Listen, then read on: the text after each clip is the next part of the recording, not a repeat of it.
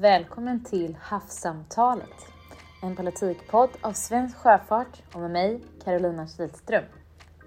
Varje avsnitt bjuder jag in beslutsfattare för att prata om något som berör oss alla på det ena eller andra sättet. Jag pratar såklart om sjöfart.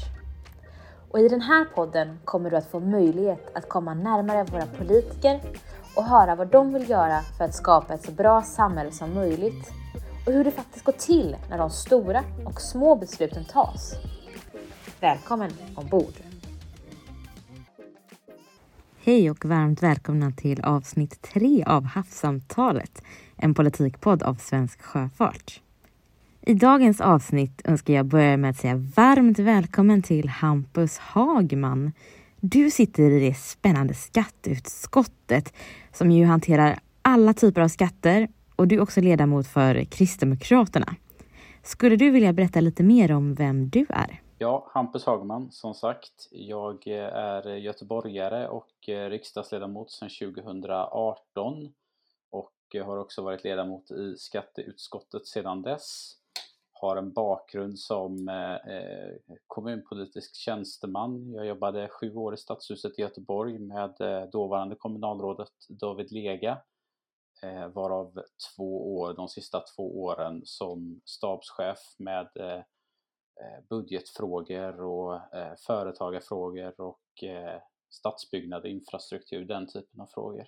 Det här är din första period i riksdagen. Är det som du har tänkt dig eller har något överraskat dig?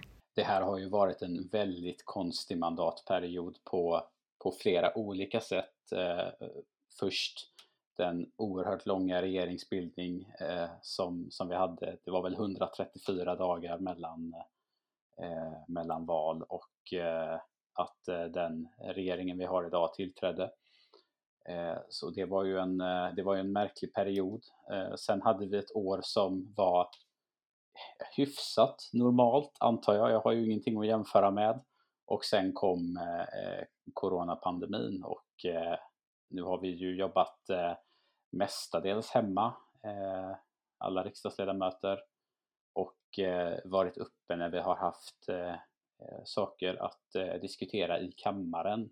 Eh, I övrigt så sitter vi ju hemma och jobbar och vi har våra utskottsmöten digitalt eh, och så vidare. Så att det är en det har varit en väldigt konstig period och vi alla hoppas ju att den här pandemin ska gå över snart. Eh, och eh, ja, det finns ju många skäl till det och ett av skälen är att eh, man får träffa sina kollegor IRL igen. Har det varit svårare att bedriva politik under pandemin? Ja, det, det får jag verkligen säga att det har. Alltså politik går ju väldigt mycket ut på att man, man diskuterar idéer med kollegor, med politiska motståndare.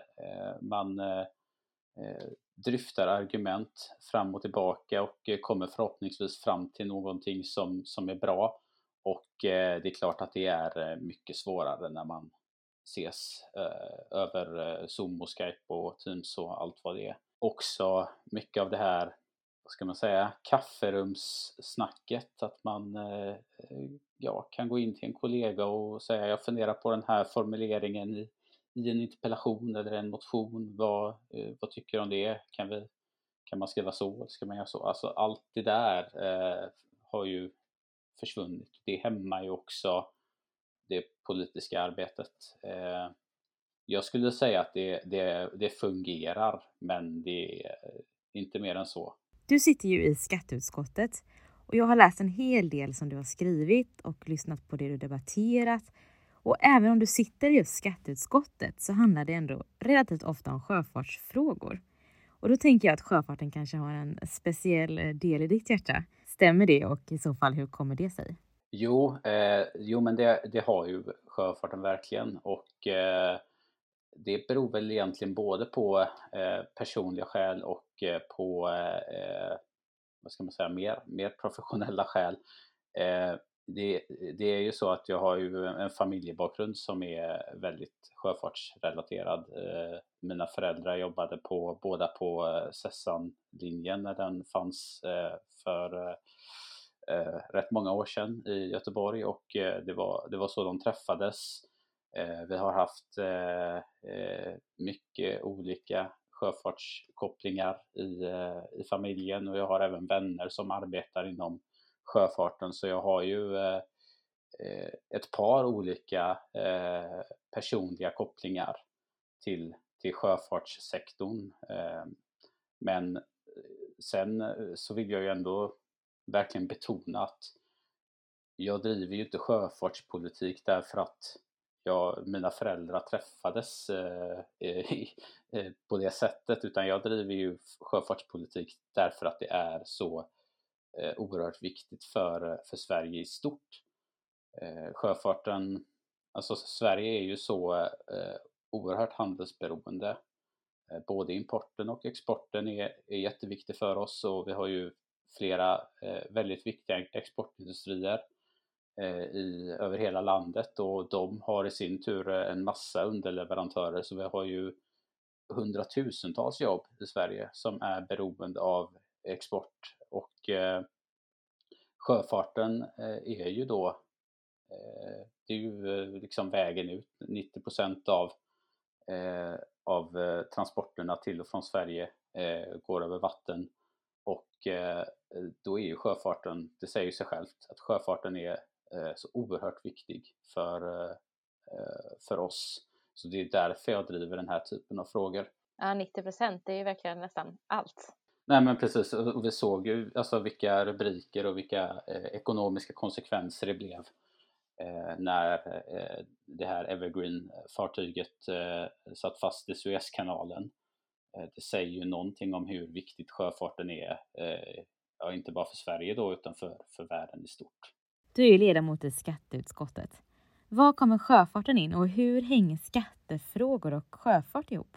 Skattefrågor är ju eh, väldigt viktiga för, eh, för alla företag givetvis, men också för sjöfarten. Eh, tonnagebeskattningen är ju en fråga som jag har eh, lyft många gånger och eh, likaså även stämpelskatten är ju någonting som eh, jag vet att Svensk Sjöfart ofta lyfter.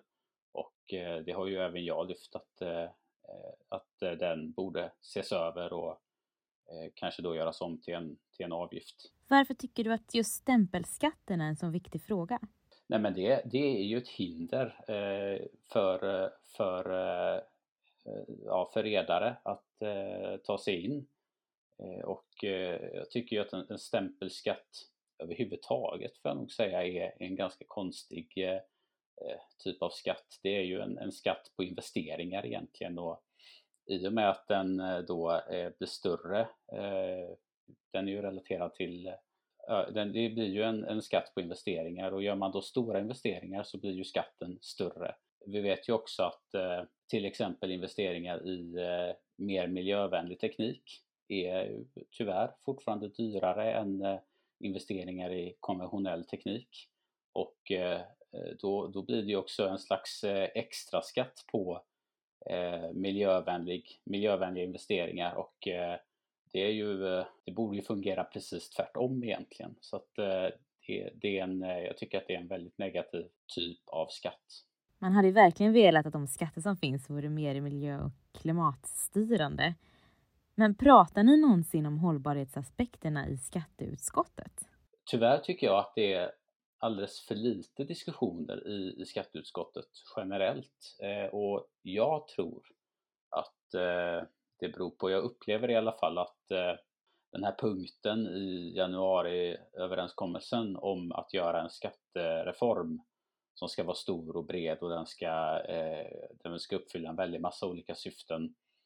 Eh, det där har lagt en våt filt över, eh, över diskussionerna och jag har ju, eh, som du var inne på tidigare, ställt frågor till Magdalena Andersson om, om olika skatteförändringar, eh, kanske i första hand sjöfartsrelaterade men också eh, en del frågor som rör eh, mer skatteregler för ideell sektor som är något annat som jag tycker är viktigt. Eh, det, och där, där är ju svaret från eh, Magdalena Andersson, ja, vi, vi planerar en stor skattereform och ska se över alla frågor. Så att eh, när det är svaret på alla frågor då, då lägger ju det en, en våt filt över, över alla diskussioner egentligen. Är det så att det helt enkelt inte är några konkreta ändringar på gång som ni diskuterar i skatteutskottet som berör just sjöfart? Nej, alltså jag, jag driver ju till exempel eh, att eh, vi ska göra en översyn av, eller en utvärdering av eh, tonnagebeskattningen.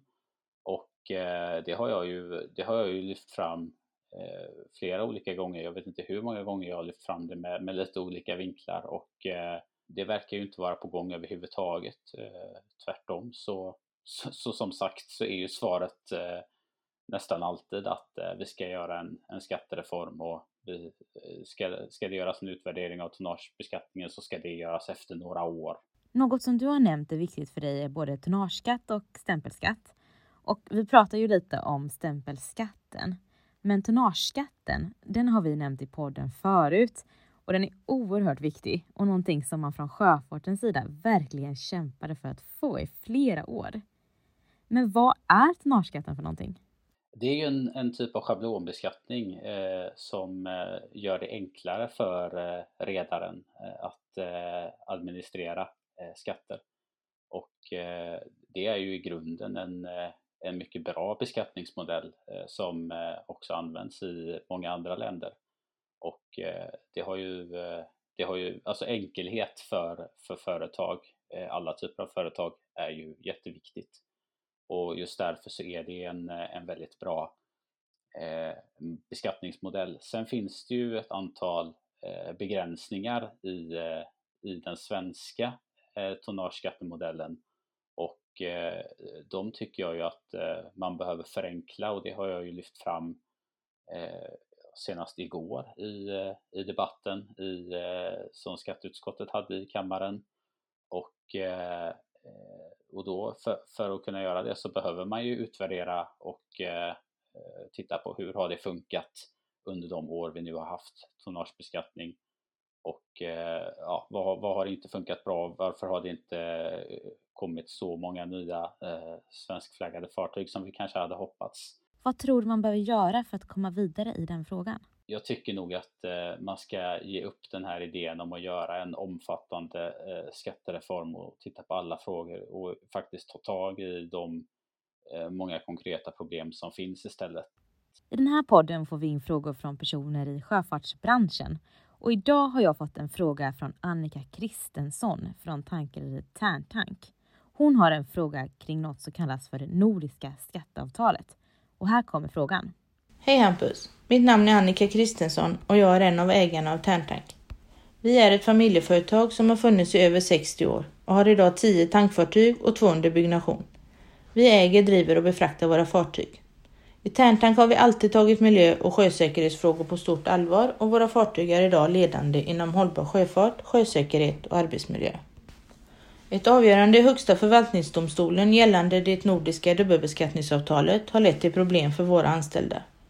Den nya tillämpningen innebär att våra fartyg som är registrerade i Danmark och har svenska besättningsmän blir beskattade om fartyget går i inrikes trafik i Sverige eller något annat nordiskt land. Skatteverket gör nu en tolkning av denna dom och anser att svenska sjömän nu även ska beskattas i Sverige, även om de betalt skatt i Danmark. Detta skapar osäkerhet och oro för våra anställda. Hur kan du hjälpa oss att få ordning på detta problem? Jag, jag tycker att det är jätteviktigt att eh, man undanröjer eh, dubbelbeskattning eller risk för dubbelbeskattning för det är ju en, eh, ja, det är ju, det är ju en jättestor osäkerhetsfaktor för eh, den enskilde och eh, det riskerar ju också att eh, leda till att eh, folk söker sig till andra branscher och det vill vi absolut inte, tvärtom. När det gäller det nordiska skatteavtalet så har jag en kollega som heter Kjell-Arne Ottosson som jobbar jättemycket med de frågorna och sitter i Nordiska rådet och han är dessutom från gränstrakterna uppe i Värmland. Så han, han brinner verkligen för de frågorna och jag vet att han också har ställt frågor till regeringen och eh, eh drivit på för det. Och, och, här behöver vi driva på eh, våra regeringar att eh, eh, ja, i alla eh, de nordiska länderna att eh, se till att lösa ut den här typen av frågor och, och särskilt just frågor när det är, det är så uppenbart att det är, det är ingen som, som vinner på detta utan tvärtom att det är dubbelbeskattning, det jobbar vi ju hårt med att undanröja i alla, i alla andra sammanhang och det, det, ska vi ju, det ska vi ju verkligen inte ha i, eh, i Norden. Det som har publicerats alldeles precis är ju en del av vårändringsbudgeten som handlar om klimatsmarta transporter. Men vad hoppas du ska komma i vårändringsbudgeten som helhet och vad skulle stå om sjöfarten om du fick bestämma?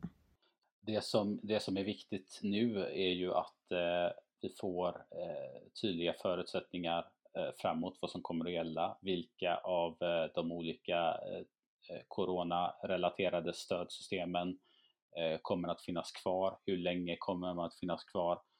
Eh, vi kristdemokrater har ju drivit på för att ge, eh, för att eh, man ska ge tydliga besked till, till företagen om eh, hur länge de här stödsystemen kommer att finnas kvar.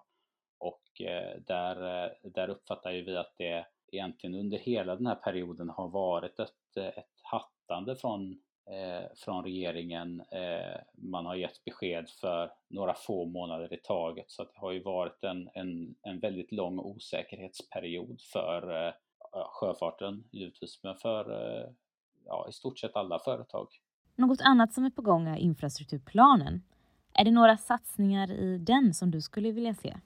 Det, ja, det, det, är ju inte en fråga som ligger på skatteutskottet men jag tror att eh, det är en sån fråga som alla ledamöter är engagerade i eh, på, på ett eller annat sätt för att eh, man jobbar ju dels med sitt utskott och det ansvar man har där men man företräder ju också en valkrets och eh, ja, driver ju frågor som är, är viktiga för, för ens hem Eh, region.